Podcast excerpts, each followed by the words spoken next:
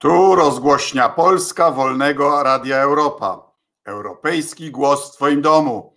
Dziś nadajemy z Hobilina i z New Haven, Uniwersytetu Yale, Stany Zjednoczone, a Państwa i moim gościem jest Timothy Snyder, profesor Uniwersytetu Yale, kiedyś Harvarda i autor szeregu ważnych książek. Rekonstrukcja narodów, Polska, Ukraina, Litwa, Białoruś, 1569-99 nacjonalizm i marksizm, skrwawione ziemie, o tyranii, 20 lekcji z XX wieku i droga do niewolności. E, panie profesorze, drogi Timie, serdecznie zapraszam. Witam serdecznie. E, u Was nieciekawie w tej chwili w 12 miastach e, zamieszki. Niejasne jest jeszcze tło, chciałbym do tego przejść ale zacznijmy może od tego, co jest y, Twoim szczególnym przedmiotem zainteresowania, to znaczy socjologia nacjonalizmu narodów. No i Twoja pierwsza książka, Rekonstrukcja narodów. Co to znaczy rekonstrukcja narodów? To znaczy, że narody są konstruowane, a nie są bytami realnymi od, od, od dawien dawna, osadzonymi no przynajmniej kulturowo, a może i genetycznie? Mm, ja bym powiedział, powiedział tak, że historia zawsze jest pełna możliwości, więc owszem, um, owszem było tak, że od pewnego czasu narody współczesne były nie, nie, nieuchronne, ale jeszcze była kwestia, powie, powiedzmy, w XIX wieku, jakie będą te narody, czy, czy czy, czy absolutnie musiał, musiał być na przykład naród słowacki, albo ukraiński, albo nawet polski. Były możliwości historyczne, możliwości ugruntowane, jak, jak mówisz, w kulturze, w języku, ale ażeby budować współczesny, współczesny naród, naród, który stanowi związek między elitą, na przykład elitą szlachecką i ludem, trzeba było jednak przeciwstawić się historii. Trzeba było budować coś nowego, trzeba było budować na przykład mit, który pozwalał właśnie na taki związek. Więc narody polski, litewski, białoruski, ukraiński to są tematy tejże książki. To są, to są twory nowe. To znaczy nie sztuczne, ale jednak nowe, bo trzeba było now, budować nowe historie polską, ukraińską, litewską, białoruską na podstawie właściwie wspólnej historii um, starej Rzeczypospolitej. Od kiedy w ogóle można mówić o narodzie polskim w, w, w obecnym znaczeniu? I czy sugerujesz, że to, co powiedział prezydent Duda o Unii Europejskiej, że to jest wyimaginowana wspólnota, odnosi się także do narodów? Imaginacja to jest wielką rzeczą bez, bez wyobraźni nie ma narodu, bez wyobraźni nie ma żadnej, żadnego społeczeństwa.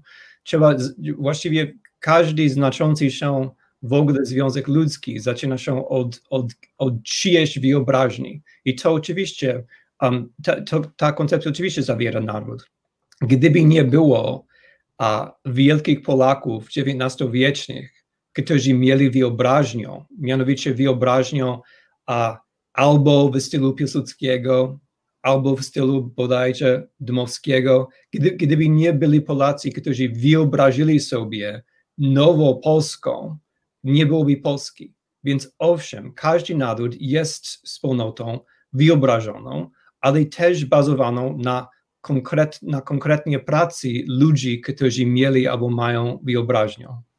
Czyli to nie jest powiedzenie, że to jest coś sztucznego, tylko to jest wynik wysiłków wielu pokoleń tych, którzy chcieli taką wspólnotę stworzyć, tak? To jest w pewnym sensie hołd złożony ich patriotyzmowi, prawda? Jak, jak, najbardziej, jak najbardziej, bo jeżeli, jeżeli, mówisz, jeżeli mówisz się, że nasi przodkowie byli bez wyobraźni, to mówisz, że byli głupi. I gdyby, gdyby byli głupi, to nie byłoby narodu naród jest, naród jest pracą wyobraźni i też jest, jest pracą, że tak powiem, fizyczną, to jest pracą społeczną. Więc ci, którzy mieli wyobraźnię, też pracowali wśród ludzi, ażeby rozszerzyć właśnie ich wersję narodu.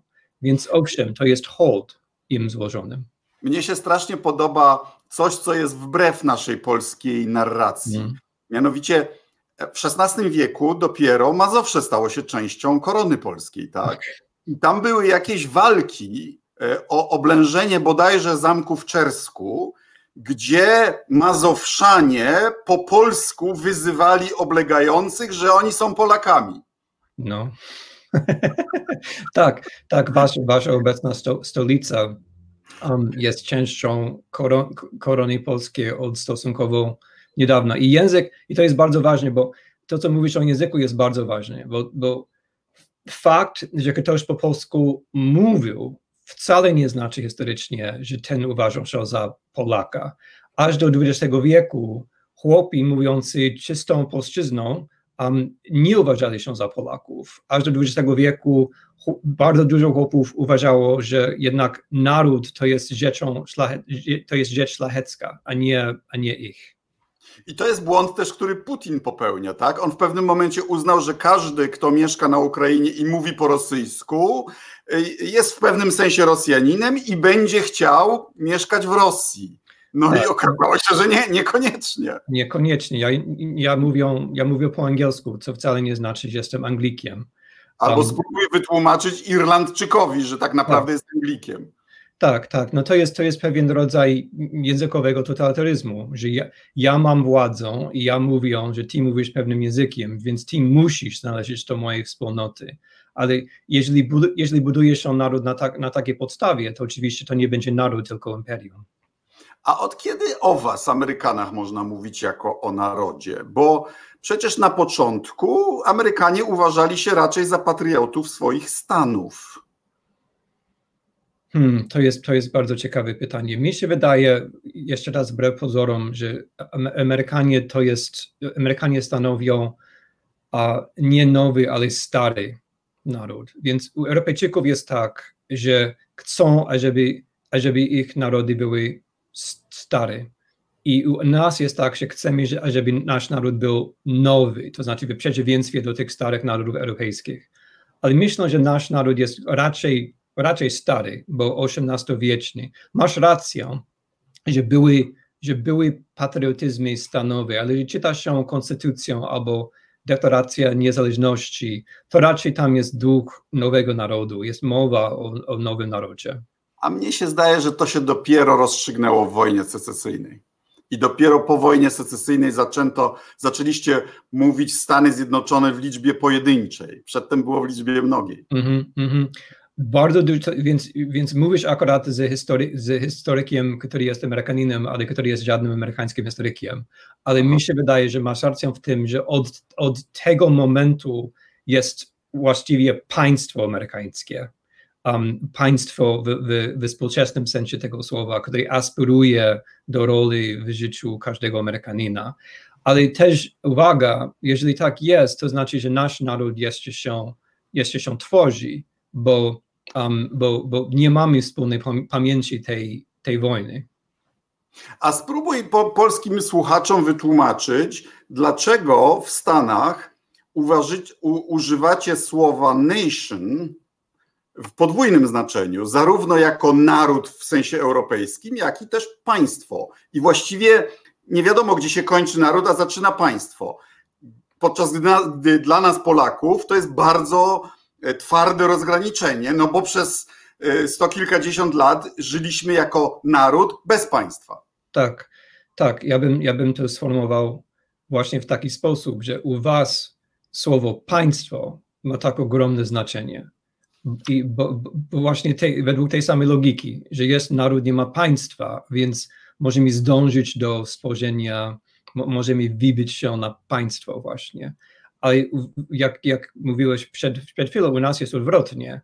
Już było państwo bardzo słabe, federalne, konfederalne, ale od samego początku jest państwo, jest konstytucja, ale naród właśnie się stworzył w ramach już istniejącego Chwila, moment. Zaczęliście jako konfederacja, pod artykułami konfederacji. Tak, tak. Dopiero konstytucja stworzyła federację i przypominam, że e, to Hamilton stworzył mechanizm finansowy, dzięki któremu Stany zaczę zaczęły być odpowiedzialne za wzajemne zadłużenia I to był moment konstytucyjny dla waszej federacji. Jasne, jasne, jasne. Ale mówią, że ale, ale w, tej, w tej chwili um, Amerykanie w cudzysłowach jeszcze mówili po niemiecku i w, w, różnych innych językach. Naród, naród się stworzył podczas gdy państwo też się tworzyło. Podczas, podczas gdy w Polsce w tym samym wieku, to znaczy mówimy też o, o XIX, nie ma jest, są obce państwa i jest, jest naród, który właśnie się cały czas stwarza. Więc mi się wydaje, że właśnie w tym tkwi różnica. U nas słowo państwo właściwie nie ma znaczenia. To znaczy tylko, tylko naukowcy używają w ogóle tego słowa state. Um, state u nas jest raczej, to jest, to jest stan, na przykład mój stan Connecticut, ale abstrakcyjn, abstrakcyjnego pojęcia państwa właściwie nie ma w ogóle. Nie ma w ogóle. Jest government, ale government to jest właśnie to, co aktualnie jest. Nie ma tego stabilnego pojęcia, że jest i ma być państwo. I to jest, i, i, i więc Amerykanie mają właściwie ten problem, mi się wydaje, że trudno, im, trudno nam mówić o tym, co państwo powinno robić, bo raczej e, chodzi, nie chodzi o państwo, chodzi o jakieś tymczasowe działania. E, e, chciałbym zakończyć ten wątek, pytając Cię wprost. Czy to oznacza, że jeśli wystarczająca proporcja chce stworzyć nową społeczność, nowy naród, niekoniecznie jednolity etnicznie, tak jak Stany na początku, czy dzisiejsza Szwajcaria, czy też dzisiejsza Unia Europejska, to jest to kwestia woli wystarczającej proporcji ludzi. Dobrze mówię? Mi się wydaje, że bardzo dobrze mówisz, bo słuchaj, jak już jest naród, i jak już jest Ministerstwo um, Edukacji, to rozwija się taka narracja, że naród dotyczy przede wszystkim przeszłości. Ale tak nie jest. Naród dotyczy przede wszystkim przyszłości. Jeżeli ludzie mają wspólną wizję przyszłości, to akurat stwarzają naród. E, skrwawione ziemie były o tym, że właściwie Holokaust dokonał się na ziemiach dawnej Rzeczpospolitej, no bo, bo tam Żydzi byli, tak? To jest, to jest jedna przyczyna, um, dość ewidentna Polako, Polakowi, ale wcale nie ewidentna innym. Ale tak, na osiedlanie, a na przykład Rosja i Związek Radziecki odziedziczyły swoich Żydów głównie w spadku po Rzeczpospolitej, prawda? Jasne, jasne. Tak, to wspólne, wspólne państwo żydowskie, jeżeli tak to można mniemać, było, to, to było stara Rzeczpospolita Polska, więc y, y, y, Żydzi tak zwani rosyjscy byli przed tym Żydami polskimi, tak, oczywiście. Więc przed, przed zagładą to było cent, absolutnym centrum um, zamieszkiwania żydowskiego, tak. Zachód pamięta w zasadzie i jest mu wygodnie chyba pamiętać o Święcimu, o komorach gazowych, ale de facto Holokaust, Holokaust dokonał się w zasadzie trzema metodami w równych proporcjach, prawda? To znaczy gazowanie, rozstrzeliwanie i głodzenie. Dobrze mówię? Więc jeżeli mówisz o, o zabijaniu w tych terenach w ogóle od latach 30. do latach 40., to masz rację. Jeżeli chodzi o samą zagładę żydowską, właściwie były dwie metody, gazowanie i, i zestrzelenie. I mniej więcej to było pół na pół. Czyli te skrwawione ziemie, no to jest taka gigantyczna dziura demograficzna na terenach dawnej Rzeczpospolitej, prawda? Tak, więc w książce to zaczynam od głodu ukraińskiego i, i, i, i, i, i piszę do, aż do końca drugiego, II wojny światowej, więc włączam wszystkie takie epizody masowego zabijania, te, które są znane, tak jak zagłada, i te, które nie są znane, jak, jak na przykład um, głód jeńców sowieckich, um, te, które były przed tym znane Polak, Polakom, na przykład Katyn, i te, które przed tym nie były tak dobrze znane Polakom, tak jak um, rozstrzeliwanie Polaków podczas wielkiego terroru stanowskiego. Ale właśnie, właśnie chodzi mi o to, że jest terytorium, gdzie zabito 13 milionów ludzi od, od, w, w ciągu 12 lat. Interesujesz się naszą częścią świata, ale jesteś człowiekiem Zachodu. Co z perspektywy tego, czego się dowiedziałeś w ostatnich 30 latach, sądzisz o tej zachodniej, o, zachodnim kanonie II wojny światowej, którego takim, e, takim no, za mojej pamięci najjaskrawszym e, przykładem było oświadczenie Białego Domu sprzed paru tygodni o tym, że to Stany Zjednoczone i Wielka Brytania pokonały trzecią Rzeszę. E, I, I to są takie stwierdzenia, przy których ja zaczynam sympatyzować z Rosjanami, chociaż wiem, że oni też e, tą historię fałszują na swoją modłę, ale fakty są takie, że 80% strat wojennych Niemcy ponieśli na froncie wschodnim, a nie zachodnim. Tak, owszem, jasne. I, i, to, i to powtarzam przy, przy każdej możliwej a, okazji. Ka, każdy naród ma swój mit o II wojnie światowej. I mi się wydaje, że tym, tym, tym większy naród, tym mniej a, należy sympatyzować z, z mitem i tym bardziej trzeba aktywnie, nawet agresywnie korygować. Więc cała książka właściwie Skrawionych Ziem to jest wielka, wielka poprawka tego, tego mitu. Um, bo, bo próbuje, próbuje, um, próbuje właśnie um, próbuje pokazać, że wojna się toczyła przede wszystkim na wschodzie. I, i w, nawet w intencjach, w zamiarach Hitlera to była wojna na, na, wschód, na wschód i nie, nie na zachodzie. Francja, nawet Wielka Brytania nie były głównymi celami Hitlera. Właściwie on chciał do Związku Radzieckiego każdą, każdą możliwą metodą. Chciał przez, uh, przez sojusz z Polakami i jak to nie było możliwe, to, to bez Polaków, więc nawet inwazja Polski to nie było właściwie zamiarem głównym. Zamiar główny to był napad na Związek Radziecki. I też w rzeczywistości, jak mówisz słusznie, w wielkiej bitwie to były na Ukrainie, na na zachodniej Rosji, w, w Białorusi, a, ale właściwie nie, nie na zachodzie. Nie na zachodzie. To, co Amerykanie robili, i to, i to akurat Rosjanie z, z kolei zawsze zapominają. Stany Zjednoczone właśnie w tej chwili stały się największym mocarstwem gospodarczym. I bardzo dużo pomagaliśmy nie tylko Brytyjczykom, ale właściwie przede wszystkim Związkowi Radzieckiemu. Bez naszej pomocy ekonomicznej to oni by przegrali. I oni z kolei chętnie o tym zapominają. Czy Polska miała, tak jak twierdzą niektórzy rewizjonistyczni historycy, opcję pójścia z Hitlerem na Związek Radziecki? Owszem, była taka opcja i wtedy Polska jako państwo byłoby aktywnie teraz um, związane z zagładą żydowską.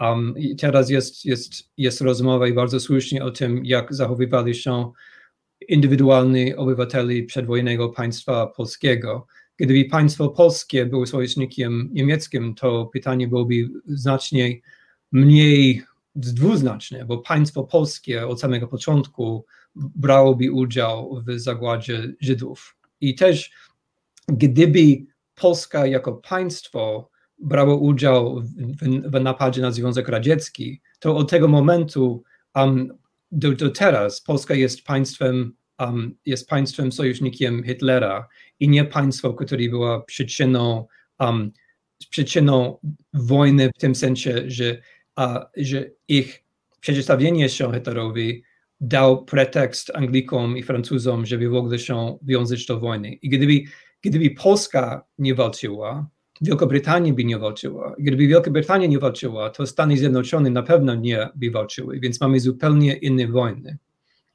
Ale hola, hola. Hmm. Węgrzy e, wysłali dwie dywizje na front wschodni, do samego Stalingradu i mało kto im dzisiaj pamięta, że byli sojusznikami Hitlera. E, I jest też argument, chyba nawet twój, że zagłada Żydów była tym bardziej konsekwentna, im mniej struktur państwowych tak.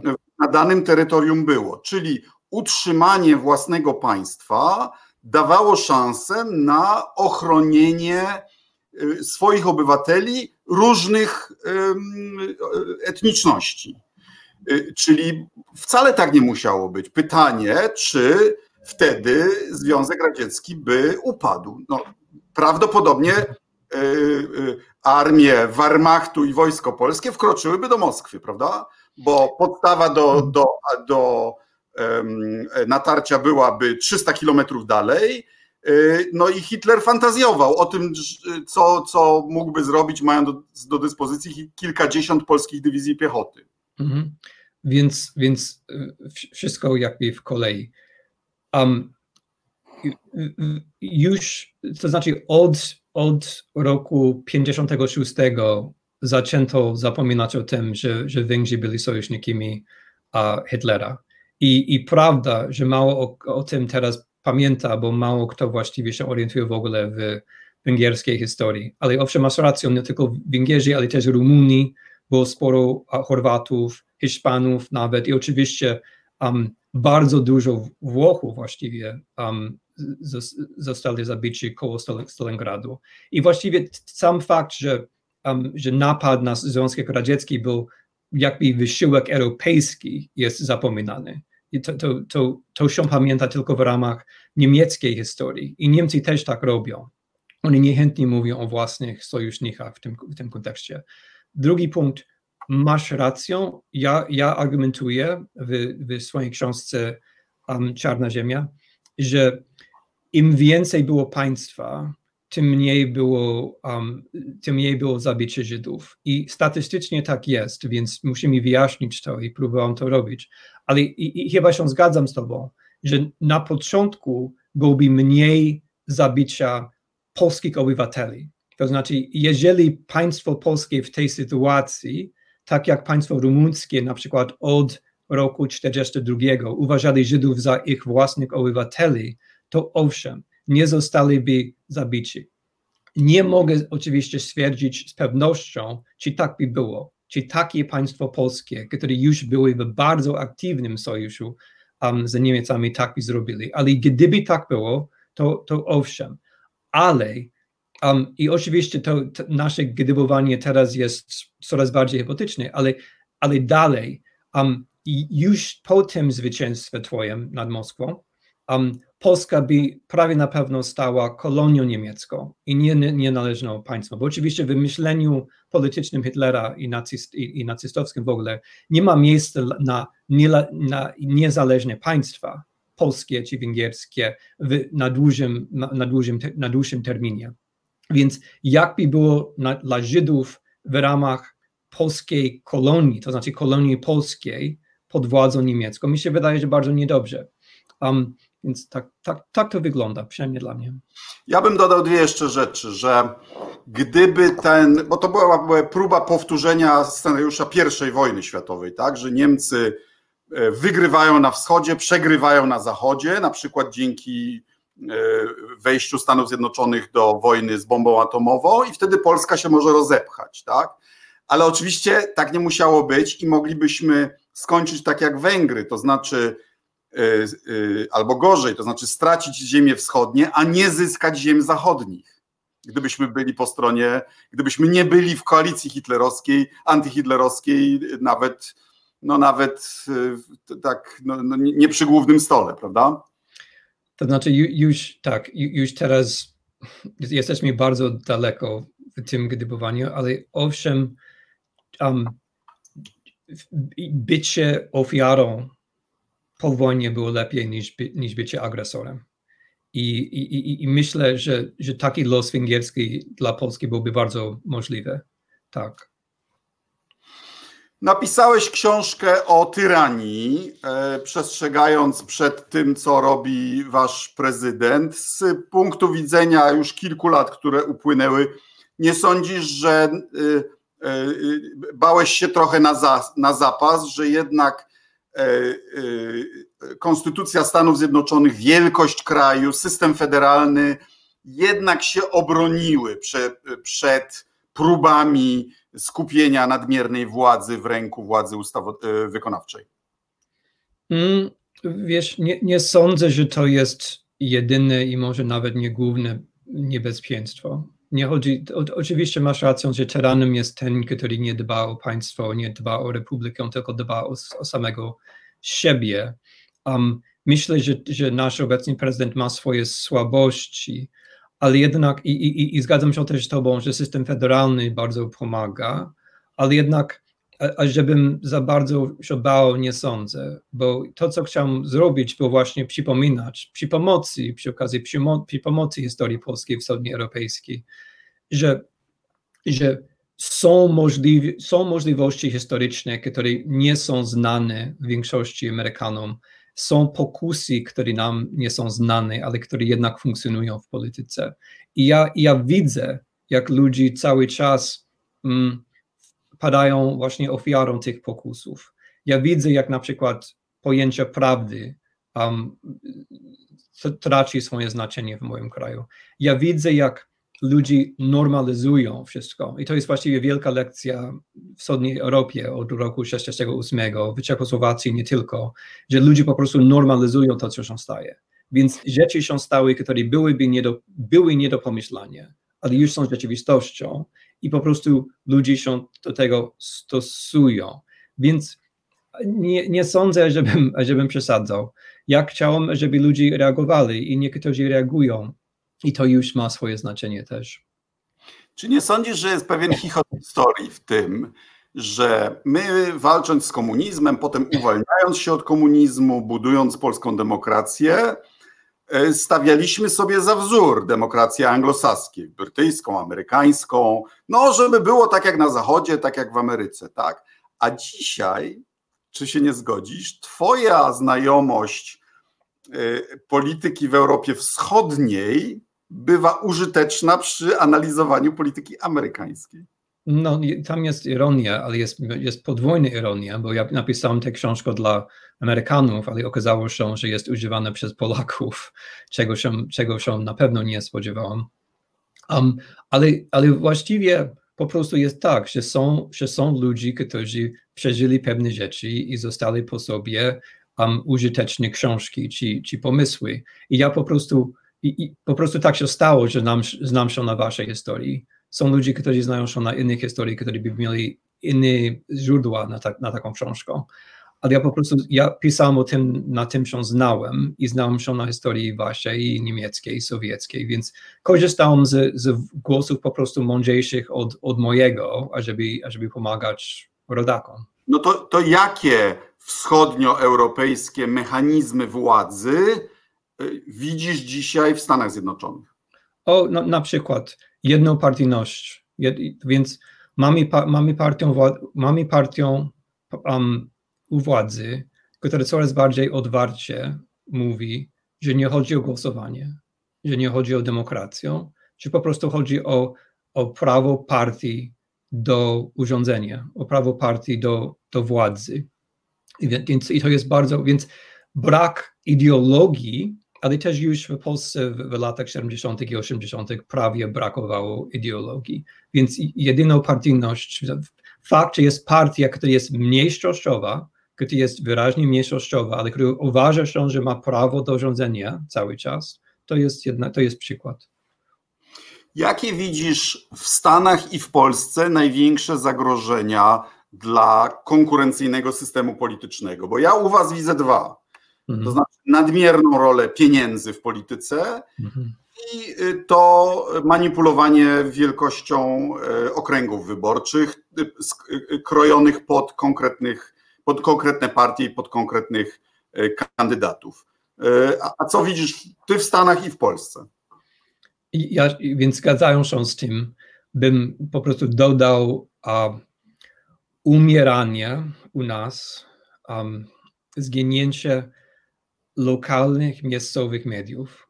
To jest mhm. bardzo ważne, bo bez, bez takiego konkretnego orientowania się w, w codziennym życiu miejscowym, lokalnym, ludzie się orientują na podstawie mediów um, narodowych i potem um, społecznych i, i, i padają ofiarą właściwie polaryzacji i, i teorii spiskowych.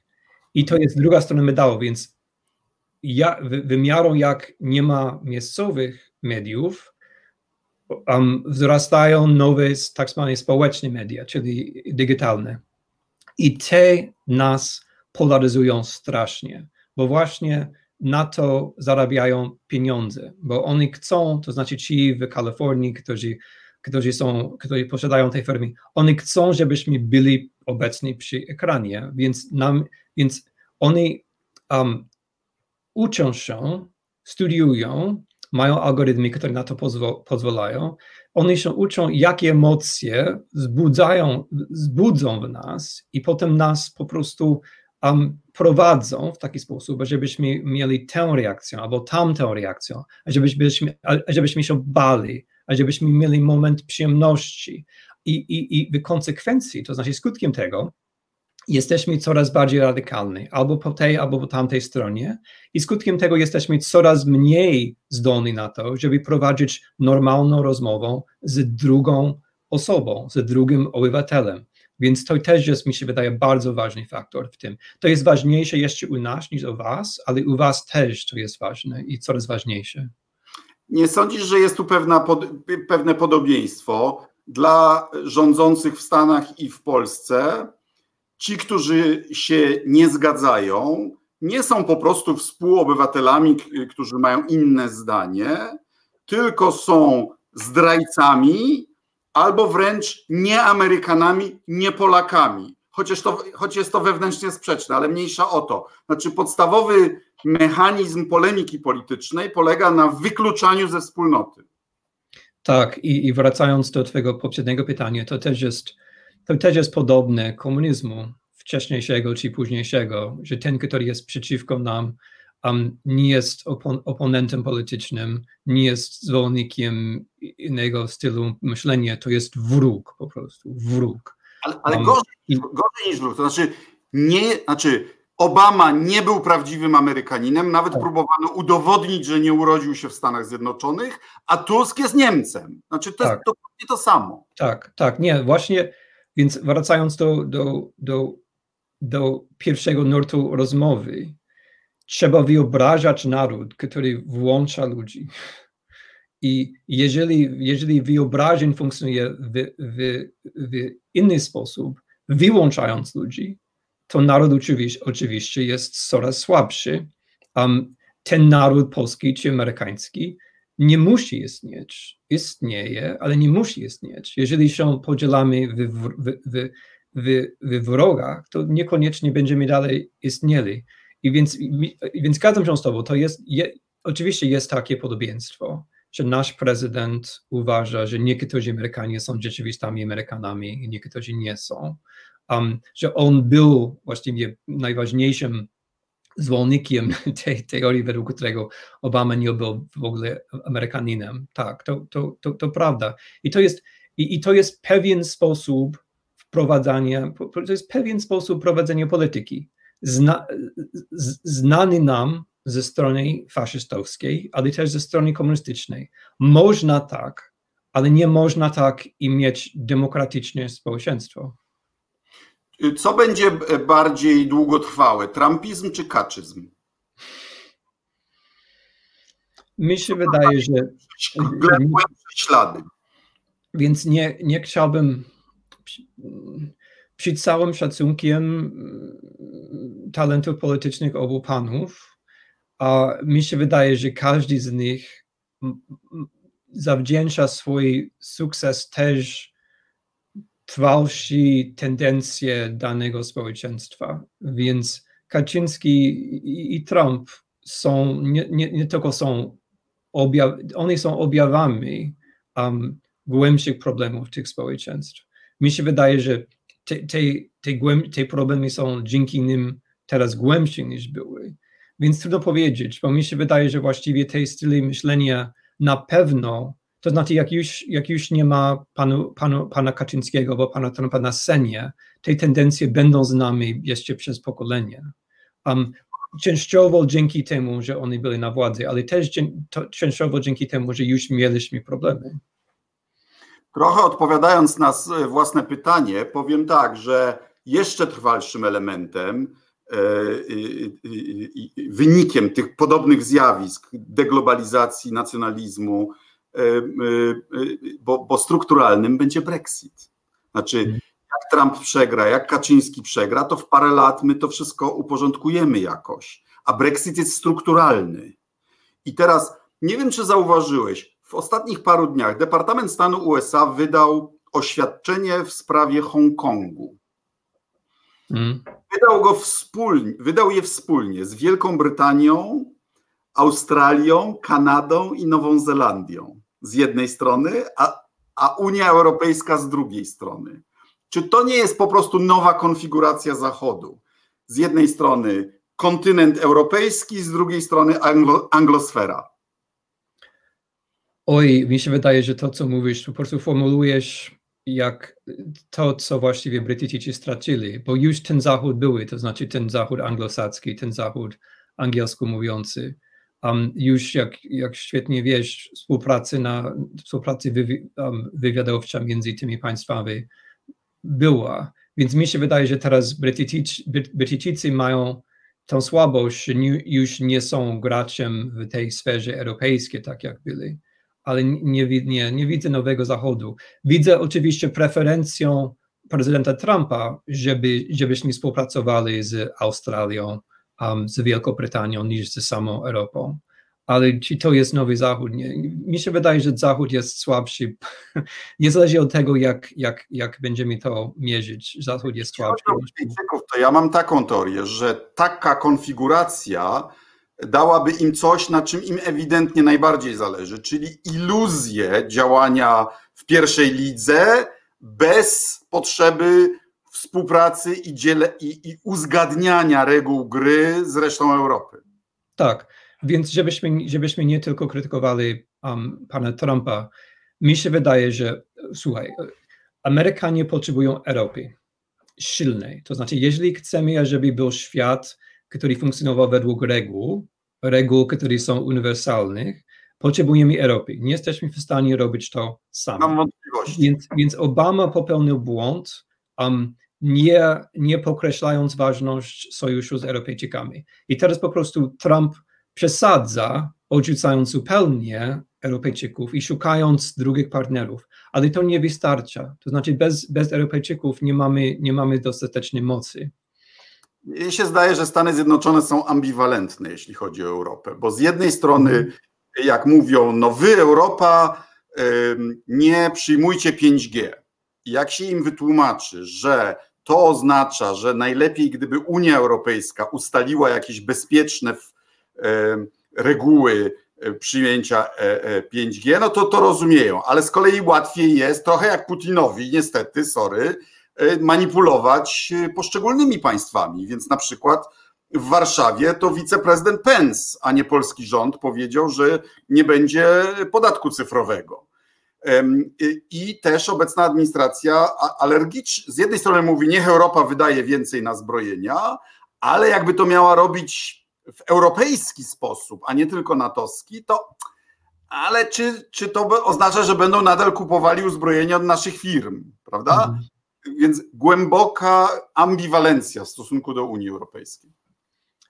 Jest ambiwalencja amerykańska tradycyjna, ale jest coś nowego podczas administracji Trumpa, bo Trump, Trump więc zgadzam się z tym, co mówisz, ale dodał, dodałbym, że po prostu Trump nie lubi Europejczyków, nie lubi demokratów, nie lubi głosowania, lubi dyktatorów i, I, więc biorąc, biorąc pod uwagę, że Europa właśnie jest naj, najważniejszą wyspą demokracji naszym okeanu dyktatorstwa, to oczywiście ma pe, pewną niechęć do, do Europejczyków. Bo i, i też on bardzo nie lubi, ażeby były zasady. I Unia, Europej, Unia Europejska jest budowana właśnie na zasadach. Nie na agresji, ale na zasadach. I on nie, po prostu on jako, jako człowiek, jako osoba, on nie rozumie, co to jest zasada. Po prostu to się mu nie mieszcza w głowie, on uważa, że to jest po prostu hipokryzja. I w tym, jest, w tym on jest właśnie podobny do Putina, bo Putin też nie wierzy właśnie, że mogą być zasady moralne albo, albo prawne. I on uważa, że ci, którzy mówią o takich rzeczach, muszą być po prostu hipokrytami. Z Trumpem jest podobnie. No my mu w Europie zapamiętaliśmy to, że popierał, wręcz przyjaźnił się z panem Farażem, czyli ojcem Brexitu, który dzisiaj sobie stawia kolejny cel, to znaczy zniszczenie Unii Europejskiej. Więc administracja trochę przestała już mówić o tym, że jesteśmy wrogiem, ale ja uwierzę, że naprawdę jest gotowa traktować Unię jako partnera, no gdy coś pozytywnego w relacjach amerykańsko-unijnych y, zrobią, no bo, bo póki co to ta dyplomacja amerykańska ostatnio no, no w Iranie reżim jak był, tak jest i raczej y, znowu używa swoich tych wirówek, prawda? Z północną Koreą też jakoś wielkiego sukcesu, e, sukcesu nie widać. I z Putinem też nie bardzo wyszło, więc e, no, no, gdzie są te fantastyczne deale? Więc aż, aż do administracji Trumpa zawsze było tak u demokratów, tak jak u republikanów, że był konsens na to, że Ameryka powinna, to znaczy od II wojny światowej do administracji Trumpa, był konsens na to, że my powinniśmy przynajmniej współorganizować reguły gry. I, i, I ten moment już minął. To znaczy może wróci, ale, ale, ale, ale minął, bo Trumpowi jest obojętne, jakie są reguły. On jest właśnie tego typu osoba czy polityk, który uważa, że, o, że wygra, jak nie ma reguł. I, i to jest fatalne dla, dla amerykańskiej mocy. Więc, ci, więc jest, jest przykład tego. Są ludzie na lewicy amerykańskiej, którzy lubią Trumpa za to, że usłabia pozycję międzynarodową Stanów Zjednoczonych, bo oni uważają, że największym, największym um, niebezpiecznym na świecie to są Stany Zjednoczone, więc lubią Trumpa za to, że usłabia naszą pozycję.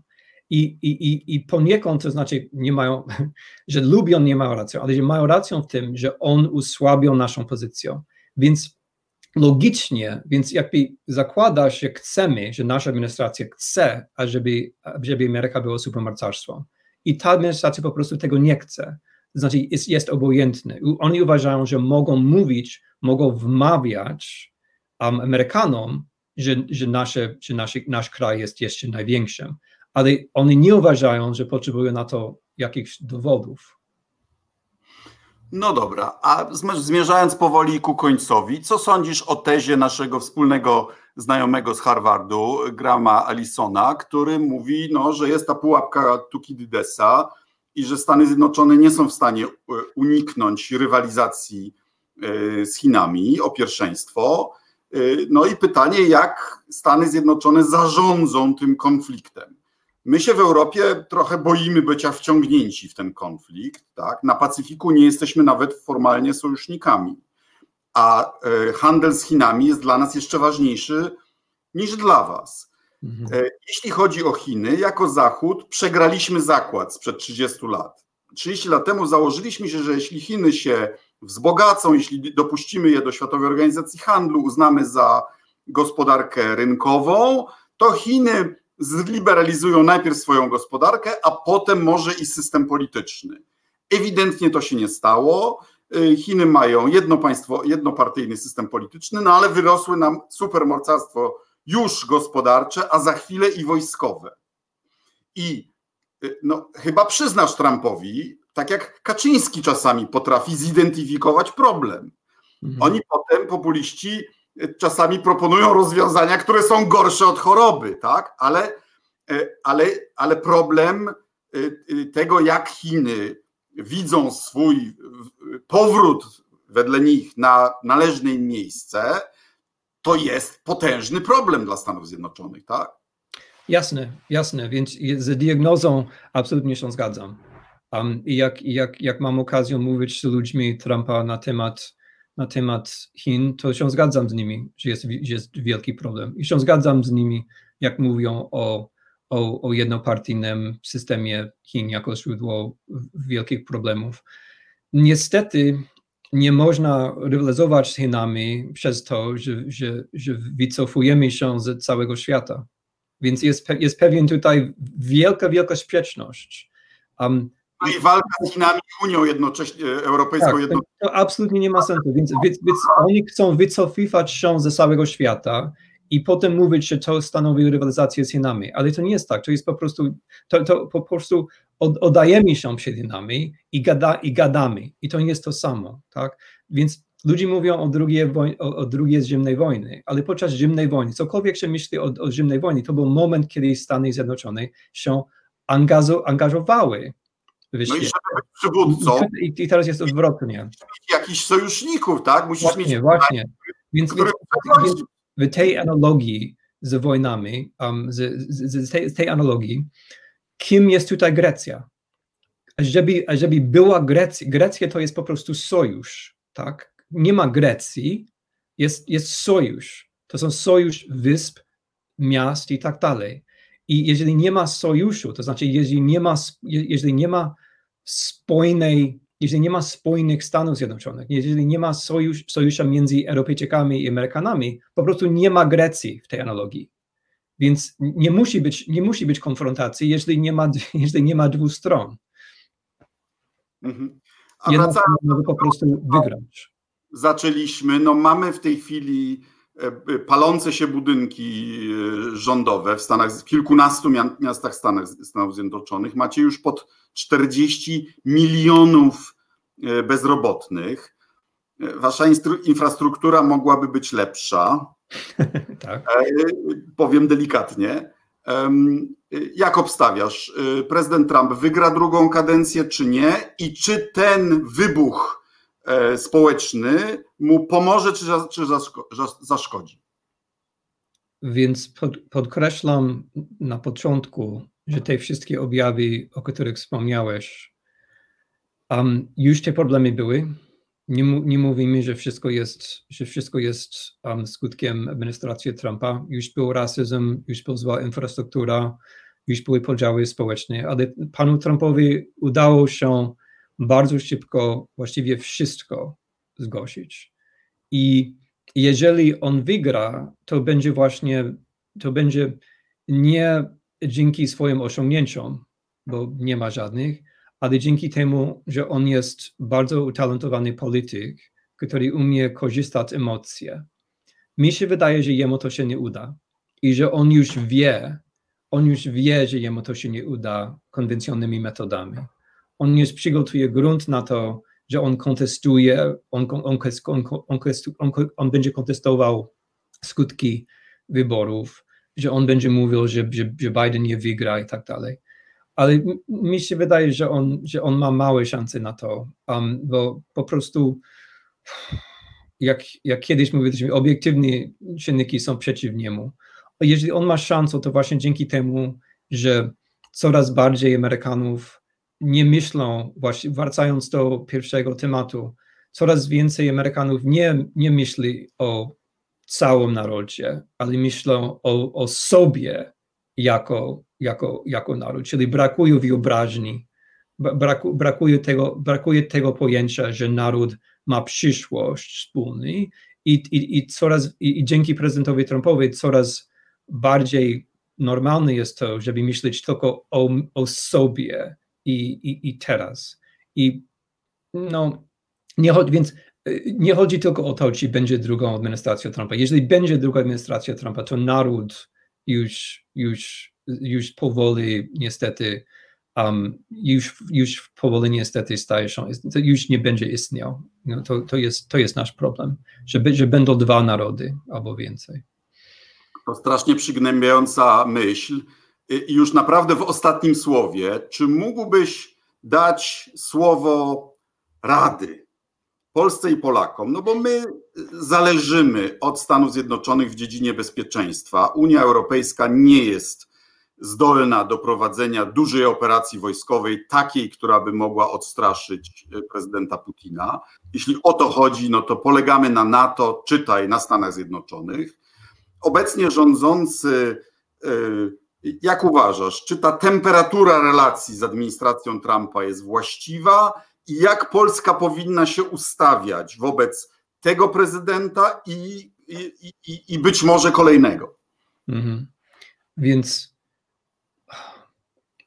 do tej, więc nie, nie, nie mądrze jest nie zauważać, że nasz prezydent lubi dyktatorów, bo bo dyktator rosyjski zawsze będzie ważniejszy niż dyktator polski. Więc nie, tego nie zauważyć, że nasz prezydent bardzo lubi Putina, i że ma długi wobec Putina, to jest, to jest wielki błąd um, popełniony przez duża, dużą część polskiej elity. Z drugiej strony to, co niektórzy Polacy robią, które jest mądre, to jest, um, to jest utrzymywać kontakty z amerykańskimi wojskowymi i z innymi amerykańskimi politykami, niezależnie od tego, czy republikani, czy demokraci, bo, bo oprócz prezydenta i, i oprócz jego radców, oczywiście jest dużo zwolenników wojskowych, politycznych sojusza z Polską i z Europą, więc utrzymywać kontakty po prostu, to jest, to jest bardzo ważne. Um, i, i, i, nie, i, i jeżeli nie, niezależnie czy, czy, czy ze strony PiSu, czy ze strony koalicji, czy z jakiejkolwiek strony, nie życzycie, żeby był, była druga administracja Trumpa, bo jeżeli będzie druga administracja Trumpa, już nie będzie NATO, po prostu. Mam nadzieję, że polscy rządzący tego wysłuchają. Panie profesorze, Timie, serdecznie dziękuję za rozmowę. Mam nadzieję, że Państwu się też spodobała. To była, to była rozgłośnia Polska Wolnego Radia Europa, europejski głos w Twoim domu. Jeśli się Państwu podobało, to proszę o udostępnianie, czy mówiąc niezgodnie z ustawą o języku polskim, szerowanie na Facebooku, Twitterze, YouTubie i gdzie tam jeszcze. Serdecznie dziękuję za uwagę. Zapraszam na następny odcinek. Bądźcie zdrowi. Dziękuję.